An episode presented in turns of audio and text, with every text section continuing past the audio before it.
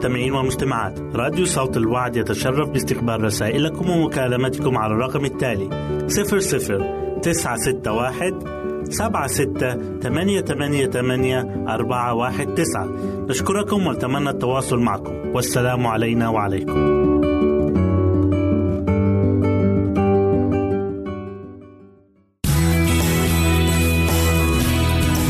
استماع وتحميل برامجنا من موقعنا على الإنترنت www.awr.org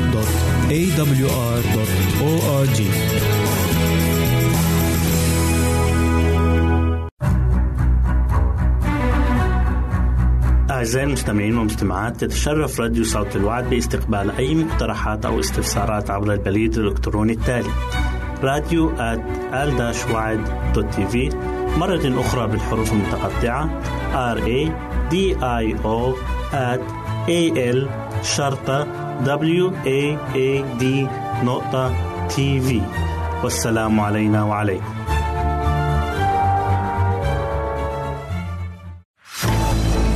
أعزائي المستمعين والمستمعات راديو صوت الوعد لا يكتفي بخدمتكم عبر الموجات الصوتية فقط بل وإنه يطرح لكم موقعا إلكترونيا يمكنكم من خلاله مشاهدة أجمل البرامج الدينية الثقافية الاجتماعية وغيرها من المواضيع الشيقة. يمكنكم زيارة الموقع من خلال العنوان التالي www.al waad.tv مرة أخرى بالحروف المتقطعة www.al-waad.tv والسلام علينا وعليكم.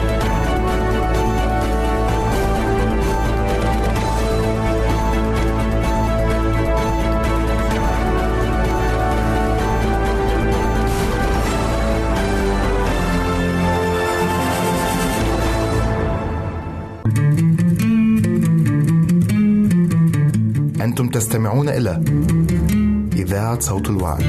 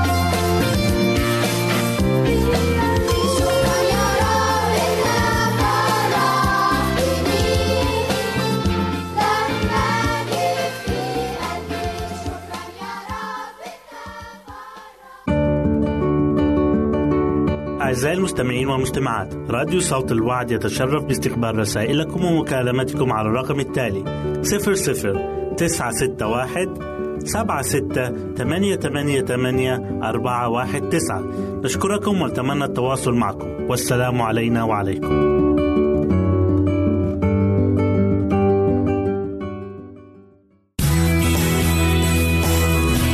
يمكنك استماع وتحميل برامجنا من موقعنا على الإنترنت. www.awr.org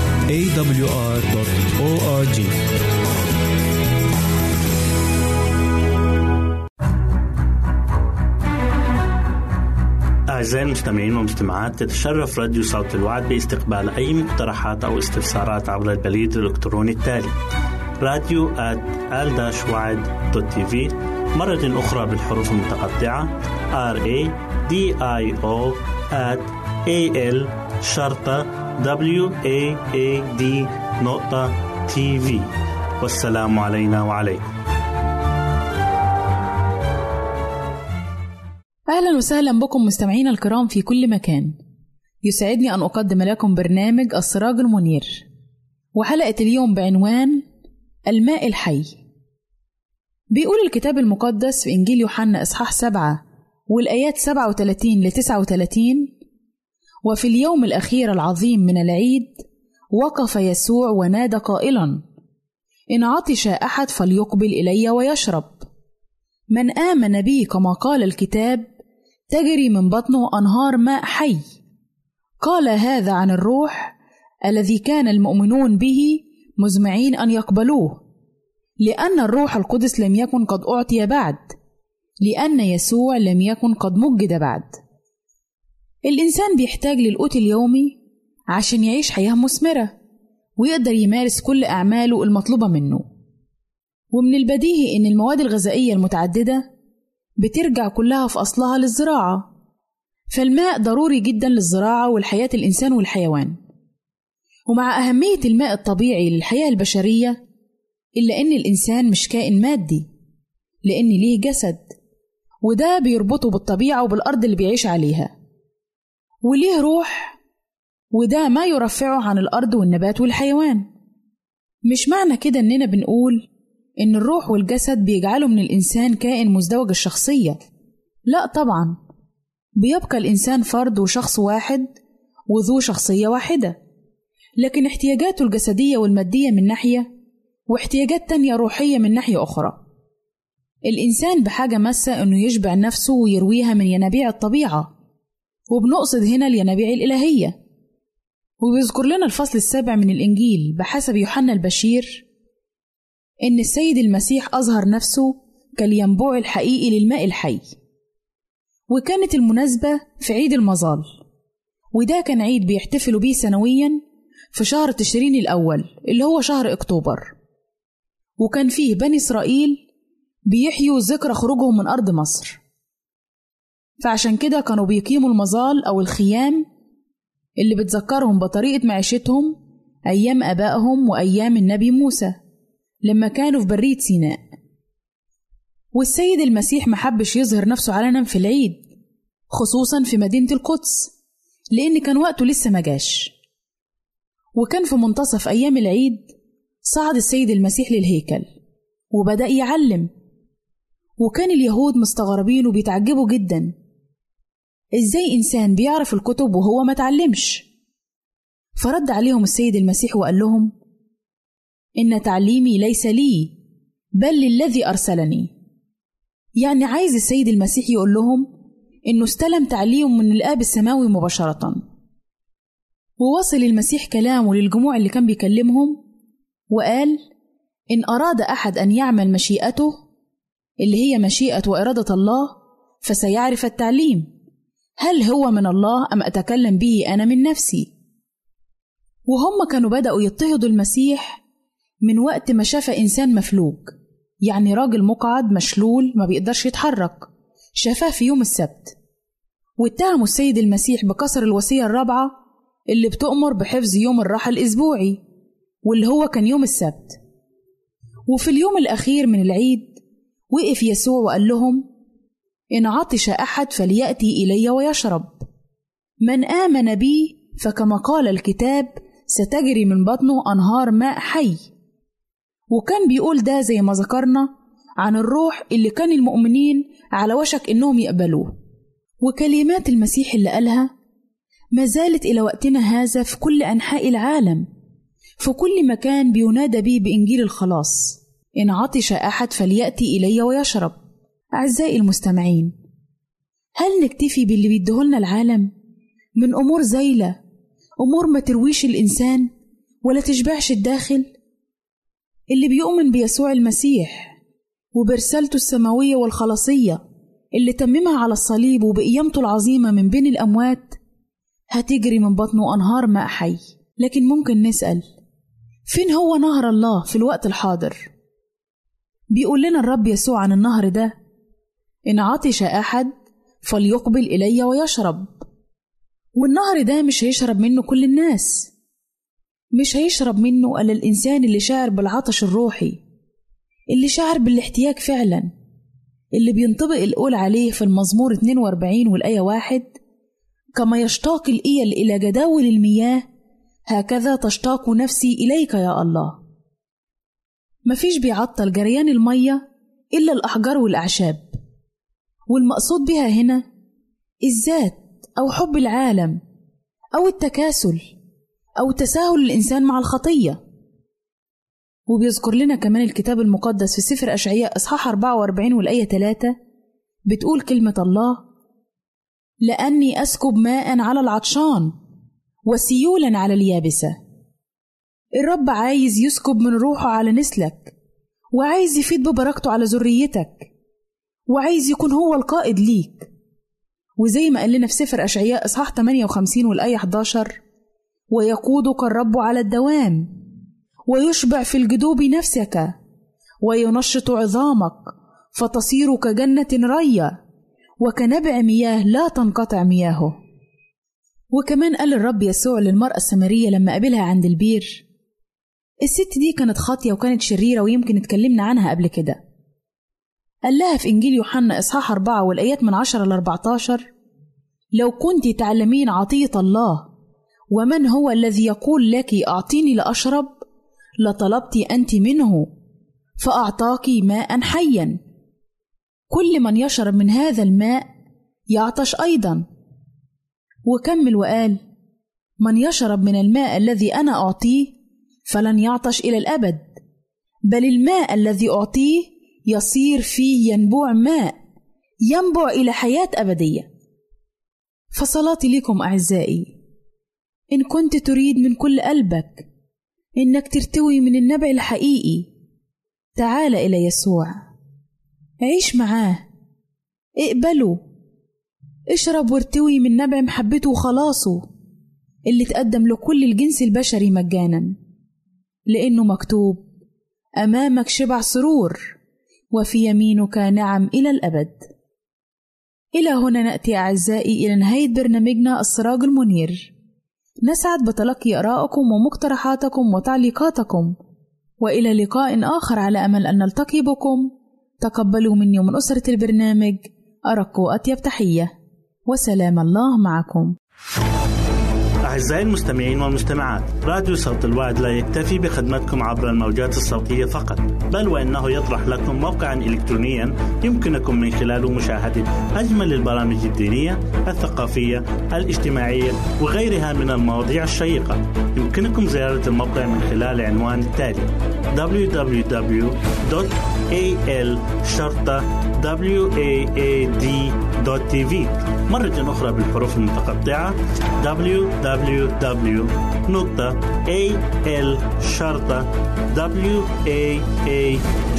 www.al-waad.tv والسلام علينا وعليكم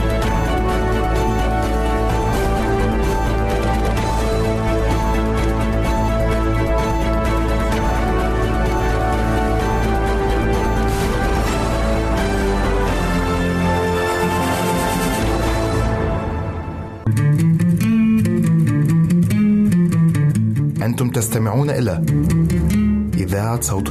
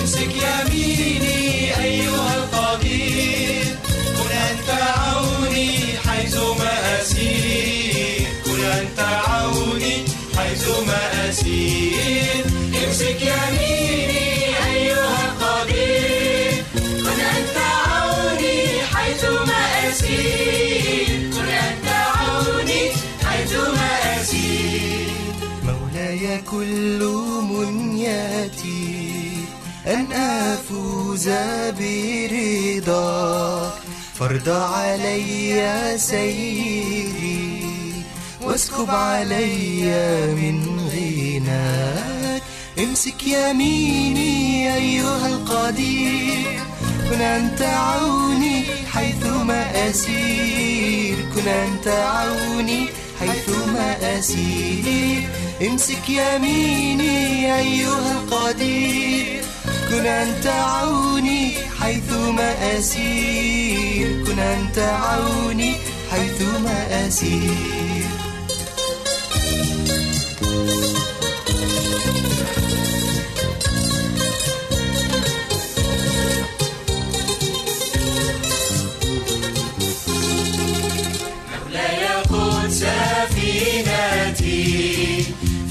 بحر شدة الحياة وزع في قلبي سيدي.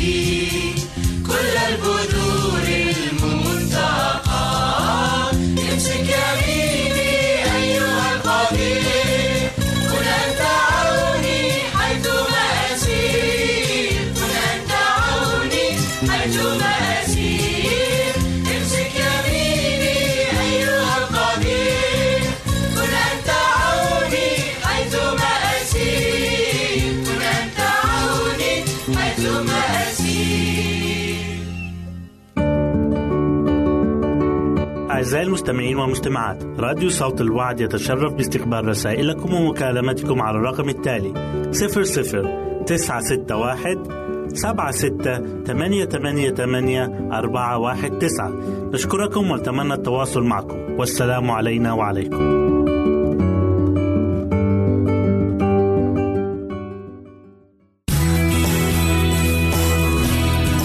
استماع وتحميل برامجنا من موقعنا على الإنترنت www.awr.org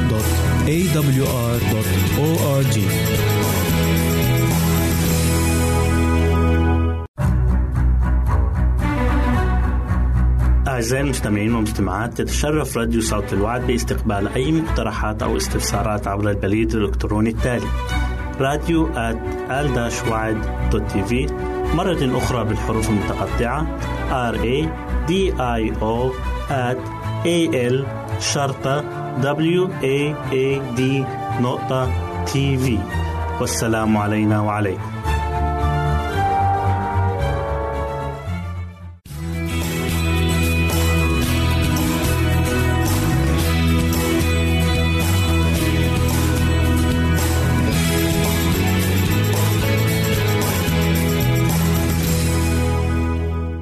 أهلا وسهلا بكم مستمعينا الكرام. أسعد الله أيامكم بالخير والبركة. يسعدني أن أقدم لكم برنامج من هنا وهناك والذي يتضمن الفقرات التالية. حبة البركة وفوائدها هل تعلم؟ حبوب اللقاح وفوائدها.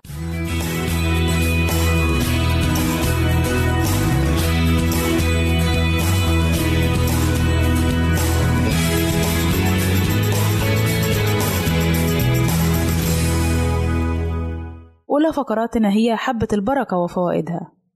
حبة البركة هي الشونيز بلغة الفرس وتسمى الكمون الأسود في السودان وتسمى الكمون الهندي. وتعرف في بلاد الشام ومصر باسم حبة البركة وهي تؤخذ من نبتة تنمو في حوض البحر المتوسط ويصل ارتفاع هذه النبتة إلى 50 سنتيمتر. واستخدمت هذه الحبة لصنع الدواء منذ أكثر من 2000 سنة على يد القدماء المصريين. تحتوي ثمرة النبات على كبسولة بداخلها بذور بيضاء ثلاثية الأبعاد والتي سرعان ما تتحول إلى اللون الأسود عند تعرضها للهواء. والجدير بالذكر أن لحبة البركة العديد من الفوائد الصحية والجمالية نذكر البعض منها. الفوائد الصحية لحبة البركة تقلل معدل الكوليسترول الضار وضغط الدم بشكل ملحوظ تعالج حالات الربو وضيق التنفس وفقا لما أشارت إليه الدراسات الحديثة تعالج التهابات الحلق الناتجة عن البكتيريا أو الفيروسات تحمي أنسجة المخ من التلف الناتج عن الأشعة التي تصدرها موجات الهواتف المحمولة والواي فاي والأجهزة اللوحية وغيرها من الإلكترونات نظرا لاحتوائها على مركب ثايموكونيون وتعمل على معالجة حصوات الكلى وحصوات المثانة. وأيضا كانت حبة البركة تستعمل منذ القديم في تتبيل الفطائر لتكسبها الطعم الشهي. وإليكم أعزائي المستمعين الفوائد الجمالية لحبة البركة. تعزز نضارة البشرة وجمالها وتخلص من التصبغات الجلدية الناتجة عن أشعة الشمس. ولاستخدامها يتم عجن ملعقة من مطحون حبة البركة مع مثلها من زيت الزيتون وتدهن به البشرة يوميا كما تساعد حبة البركة في علاج الإسهال والربو. ومن المعروف أن حبة البركة تستخدم في علاج الإسهال والربو القصبي منذ مدة طويلة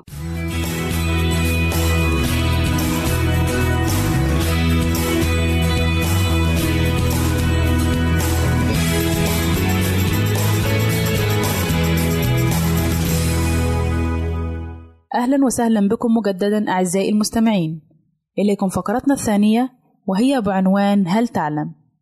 هل تعلم أن الغلاف الشمسي عبارة عن تجويف حول الشمس ممتلئ ببلازما الرياح الشمسية ويمتد حوالي عشرين ضعف من نصف قطر الشمس أو الحدود الخارجية للمجموعة الشمسية؟ هل تعلم أن أسرع الكواكب السيارة هو عطارد؟ وأن أقرب هذه الكواكب إلى الأرض هو الزهرة؟ وأن أكثر كوكب دلت بعض الاحتمالات على إمكانية وجود الحياة عليه هو المريخ؟ هل تعلم أن الشمس تتركب من 72% هيدروجين و26% هيليوم ومقدار ضئيل من عناصر أخرى؟ ولكن الغريب في الأمر أن هذه الكتلة الغازية الكثيفة تشكل ما يقدر ب 99% من كامل كتلة نظامنا الشمسي وهو ما يجعل من كتلة الأرض ضئيلة للغاية أمام هذا الكوكب العملاق الذي يخفي العديد من الأسرار. هل تعلم أن عطارد ليس له غلاف جوي مما يعني أنه لا يوجد رياح أو طقس فيه؟ هل تعلم أن الشمس أكبر من القمر ب 400 مرة وتبعد عن الأرض ب 400 مرة ويحدث كسوف الشمس الكلي والتماثل الجميل وبسبب هذا يظهران كأنهما بنفس الحجم في السماء.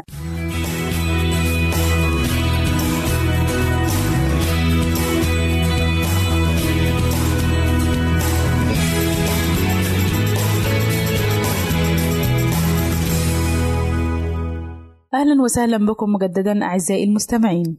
إليكم فقرتنا الثالثة والأخيرة والتي نتكلم فيها عن حبوب اللقاح وفوائدها. حبوب اللقاح أو ما يعرف بحبوب الطلع حيث أن الأزهار تنتج مادة على شكل بودرة تتناثر في الهواء وتمتلك النحلة جيوبا في منطقة جسمها الخلفية تمكنها من حمل حبوب اللقاح أو البودرة ونقلها إلى الخلية حيث أن خلية النحل تحتوي على فجوات خاصة بحبوب اللقاح ويتم تكوينها مع العسل وتمثل غذاء للنحل الصغير حيث تحتوي حبوب اللقاح على المواد الغذائية الطبيعية المفيدة للإنسان. فهي تحتوي على البروتينات بنسبة تقدر ب 40% ومركب فيتامين ب وكذلك حمض الفوليك وبعض الأحماض الأمينية الحرة والسكريات. لذلك تصنف حبوب لقاح النحل بأنها الغذاء المتكامل المليء بالعناصر المهمة والمفيدة للجسم. وكذلك تستعمل حبوب اللقاح في علاج الكثير من الأمراض والالتهابات. فوائد حبوب اللقاح. تحتوي حبوب اللقاح على مواد كثيرة مضادة للأكسدة تحسن وظائف الجهاز التنفسي وتخفف من الالتهابات التي تصيب الشعب الهوائية كما تحتوي حبوب اللقاح على الخمائر والإنزيمات التي تحسن عملية الهضم وتنظمها.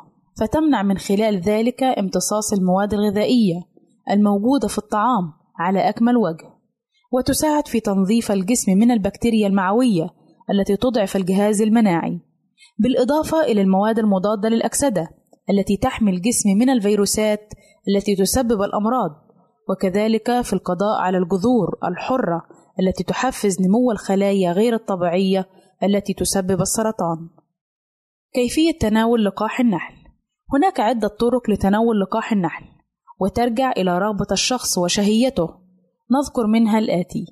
يمكن أن تخلط مع العسل أو تخلط مع الطعام أو يمكن إضافتها إلى الكورن فليكس ورقائق الذرة والسلطات لتناولها مع بعضها. ويمكن إضافتها على الشربات والحلويات حيث أن طعمها لذيذ ويميل إلى المذاق الحلو والطيب. إلى هنا نأتي أعزائي إلى نهاية برنامجنا من هنا وهناك. نسعد بتلقي آرائكم ومقترحاتكم وتعليقاتكم وإلى لقاء آخر على أمل أن نلتقي بكم. تقبلوا مني ومن أسرة البرنامج أرق وأطيب تحية. وسلام الله معكم.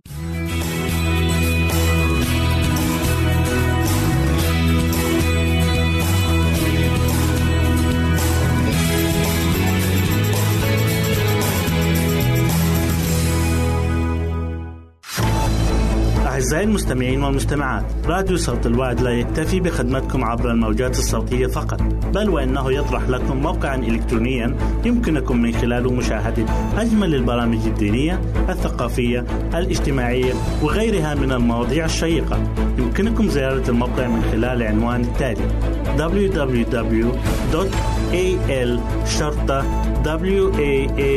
www.al-waad.tv مرة أخرى بالحروف المتقطعة www.al-waad.tv والسلام علينا وعليكم.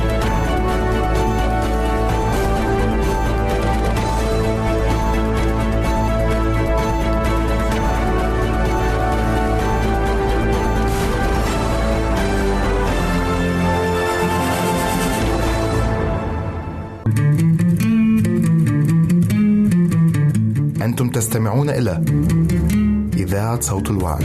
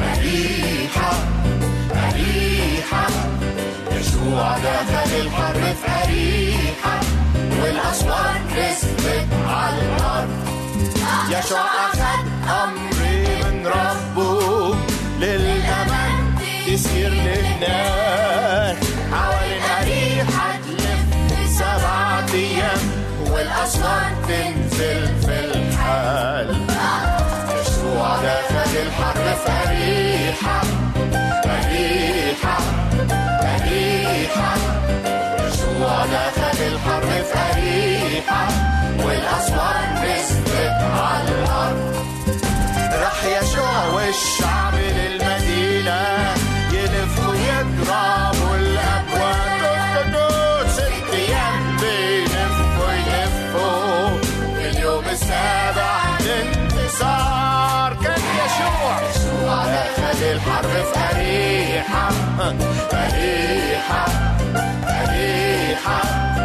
يشوع دخل الحرب في أريحة والأسوار نزلت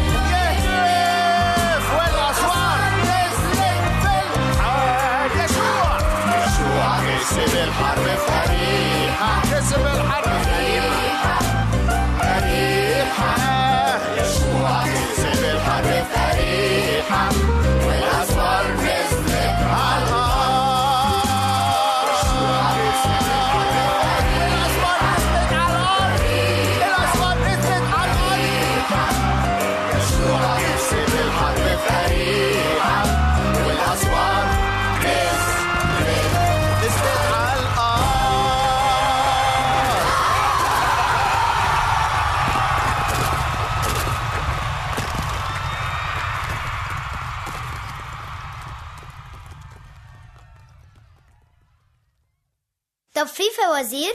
لا عايزين قصة. فلوج المفلوج كان قاعد مفلوج على باب الهيكل مستني صدقة. وفي يوم من الأيام هوب لقينا فلوج ماشي وبيجري وبيتنطط. ولما سألت فلوج قال أنا ما أعرفش حاجة. أنا كنت قاعد قدام باب الهيكل واتنين جم وقوموني. يا ترى إيه اللي قوم فلوج واحد حنانيا وسفيرة. اتنين الذهب والفضة. تلاتة اسم يسوع الناصري. لو عايز تعرف الإجابة اسمع معايا الترنيمة اللي جاية.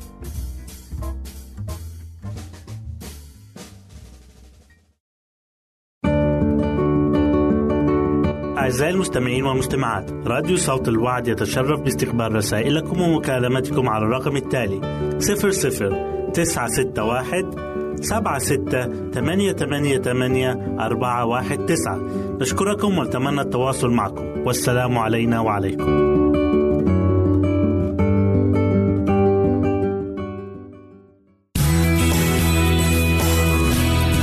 يمكنك استماع وتحميل برامجنا من موقعنا على الإنترنت www.awr.org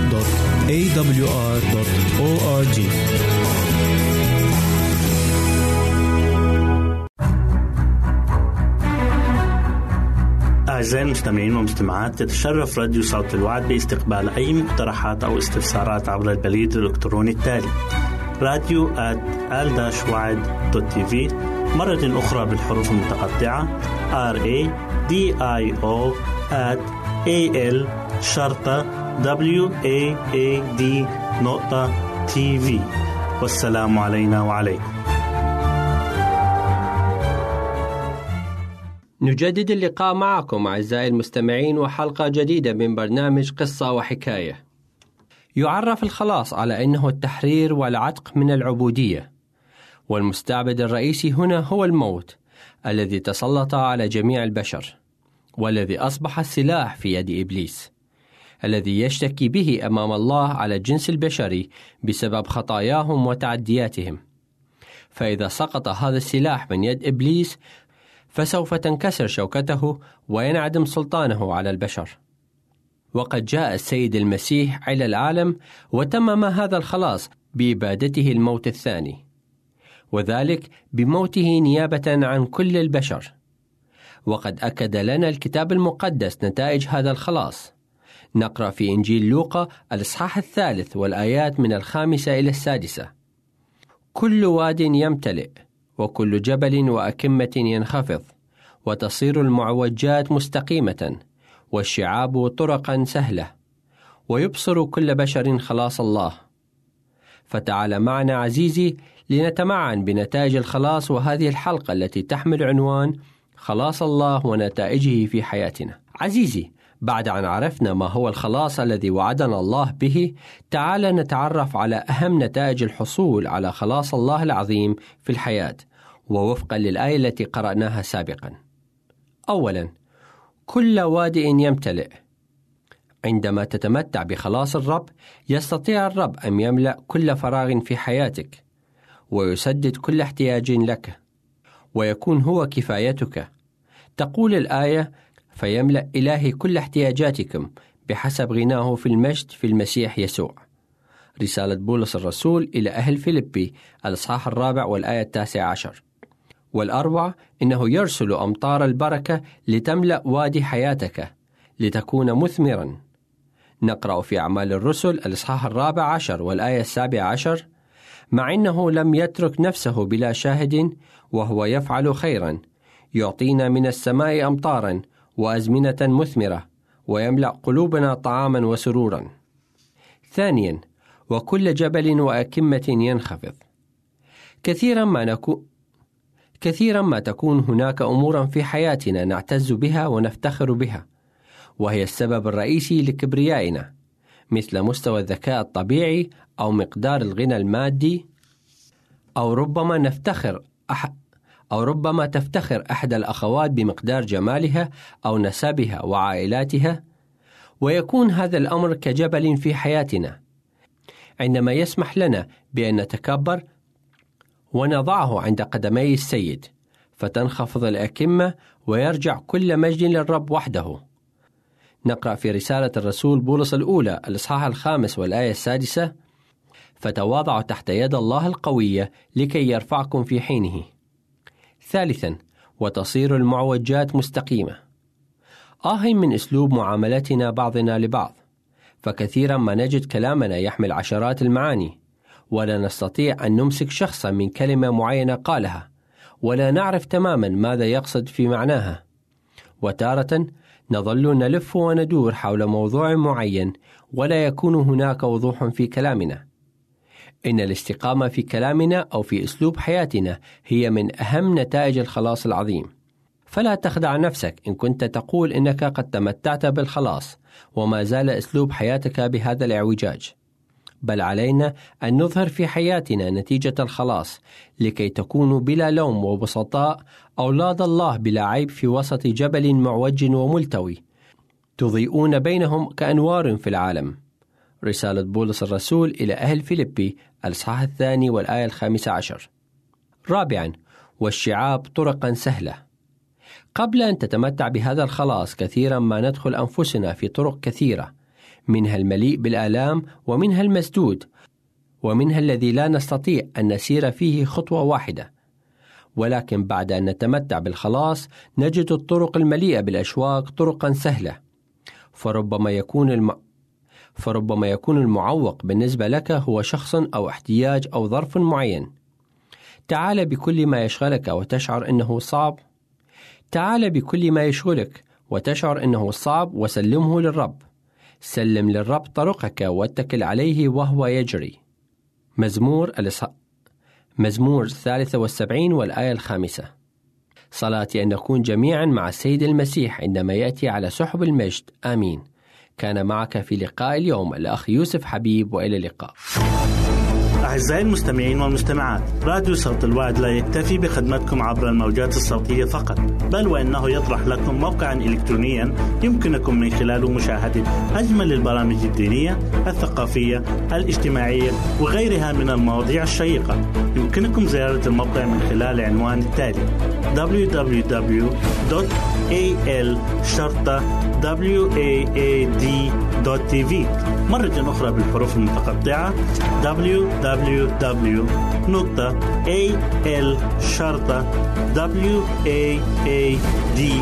www.al-waad.tv والسلام علينا وعليكم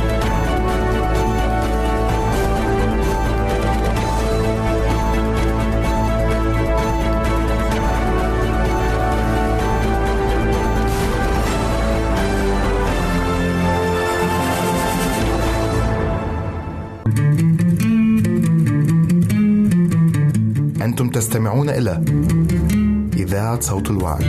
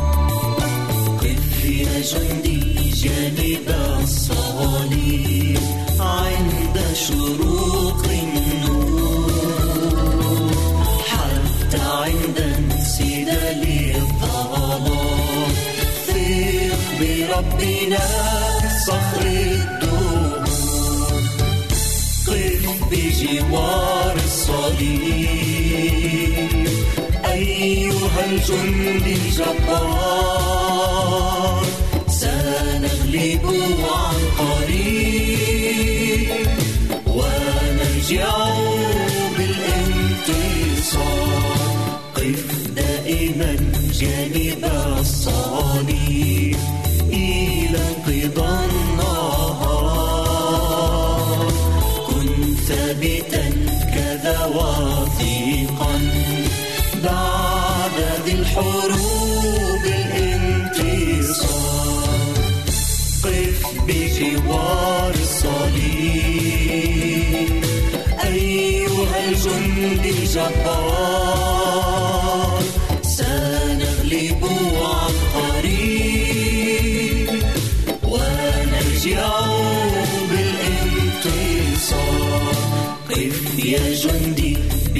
بشجاعة واقتحم الأعداء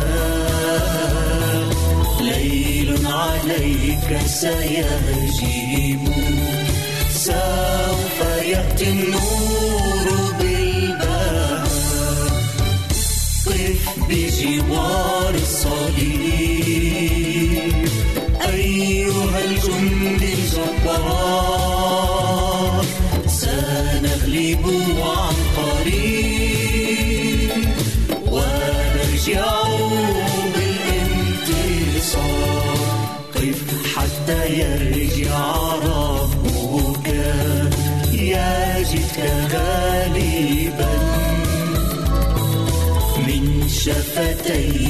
ستسمع كافك قتالا متعبا قف بجوار الصليب أيها الجند الجبار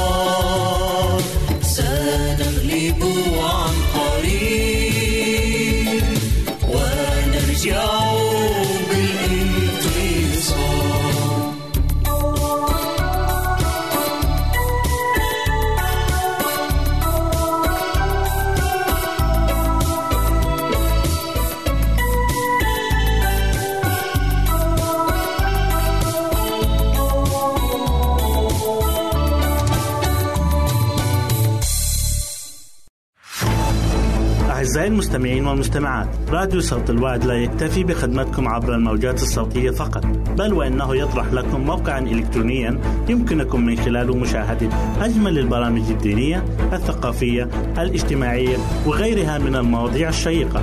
يمكنكم زيارة الموقع من خلال العنوان التالي www.al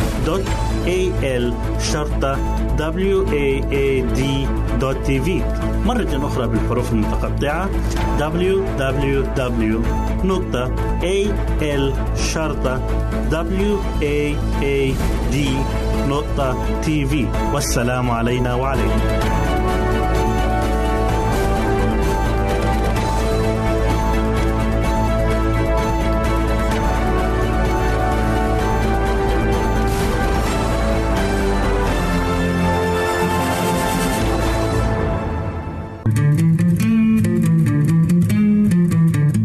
أنتم تستمعون إلى إذاعة صوت الوعد.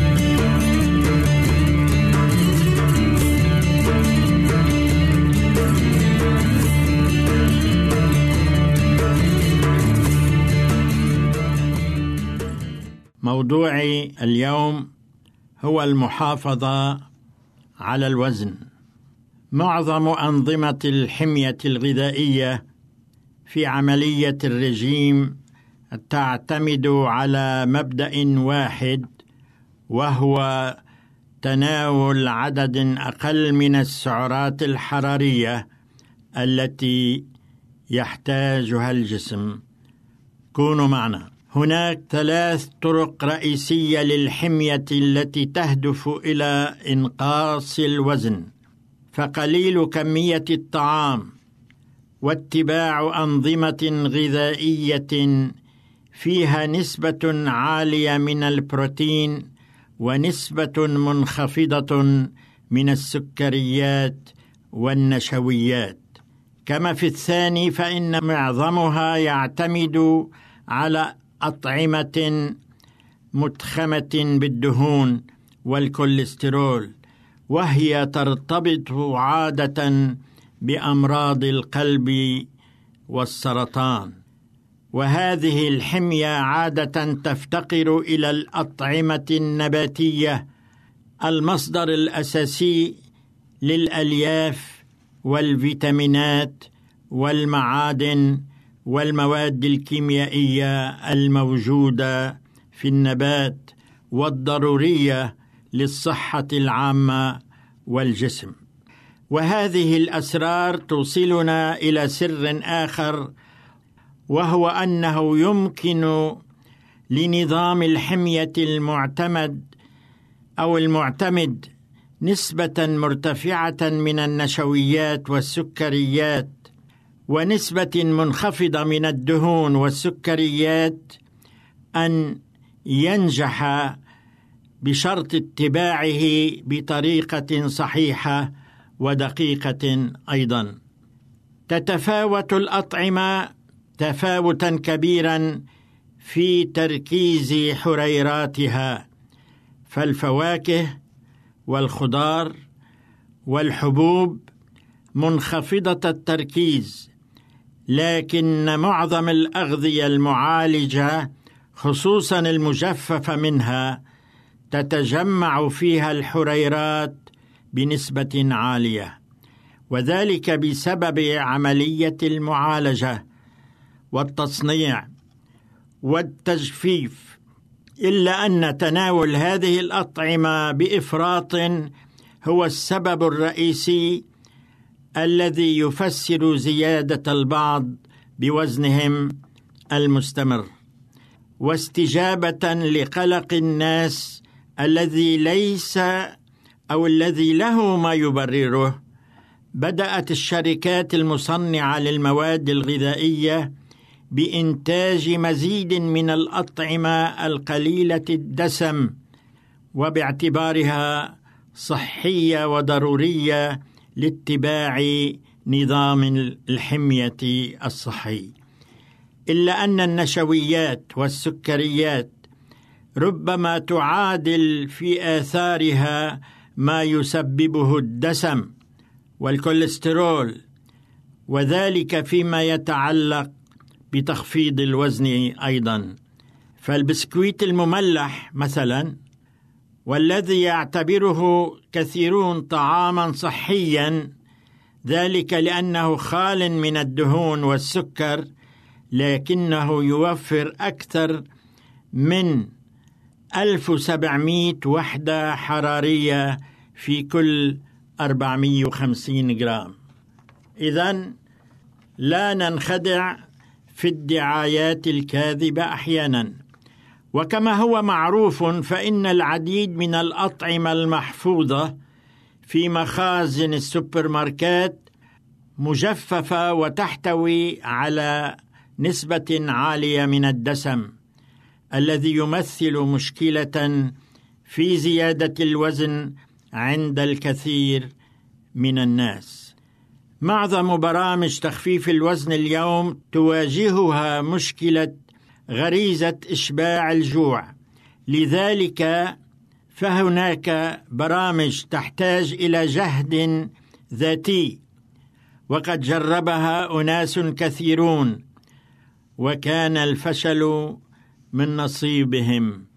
أما مفتاح انخفاض الوزن الدائم فهو العثور على طريقة لملء المعدة وإشباع الجوع والتخلص من الكيلوغرامات الزائدة في آن واحد. وهنا يأتي دور حل تركيز الحريرات. فبإمكان معدتك أن تشعر بالشبع أو الامتلاء بكيلو غرام واحد أو كيلو غرام ونصف فيحصل الشبع أو الامتلاء. وهذا يحدث نتيجة كمية الطعام وليس محتوياته من الحريرات. وبإمكانك أن تدخم معدتك وتشعر بالشبع ذلك لأن الشبع والشعور بالامتلاء تحدث نتيجة كمية الطعام وليس نتيجة محتوياتها من الحريرات. من أجل تخفيض نسبة الحريرات في وجبات الطعام أضيفت الخضار والفواكه مثل الهليون والجزر والفريز والبصل والفطر والموز أيضا والتفاح والجزر والفاصوليا فستشعر بالشبع دون الحاجة إلى حريرات زائدة. إذا شعرت بالجوع بعد وقت قصير لا بأس أن تأكل وجبة أخرى. هذا إذا كان طعامك منخفض السعرات الحرارية. إذا كان طعامك منخفض هذه الحريرات فبإمكانك أن تأكل منه أكثر. اجعل الحبوب والخضار والبقول والفواكه الغير مجففة مكونات أساسية في نظامك الغذائي. أضف إليهما كميات ضئيلة من البروتين الحيواني كاللحم الأحمر الخالي من الدهون. لا بأس بها. لا بأس بالدجاج أيضا أو السمك بما لا يزيد عن مئة جرام في اليوم. لا بأس بمشتقات الحليب الخالي من الدسم. ابتعد عن الأطعمة المجففة. تجنب الأطعمة التي تحوي نسبة كبيرة من الدهون. تناول المزيد من الفواكه والخضروات والمياه الغازية المحلات وعصير الفواكه والمشروبات الكحولية. هذه جميعها ترفع نسبة الحريرات ولا تشعرك بالشبع. البقول والحبوب نافعة وضرورية.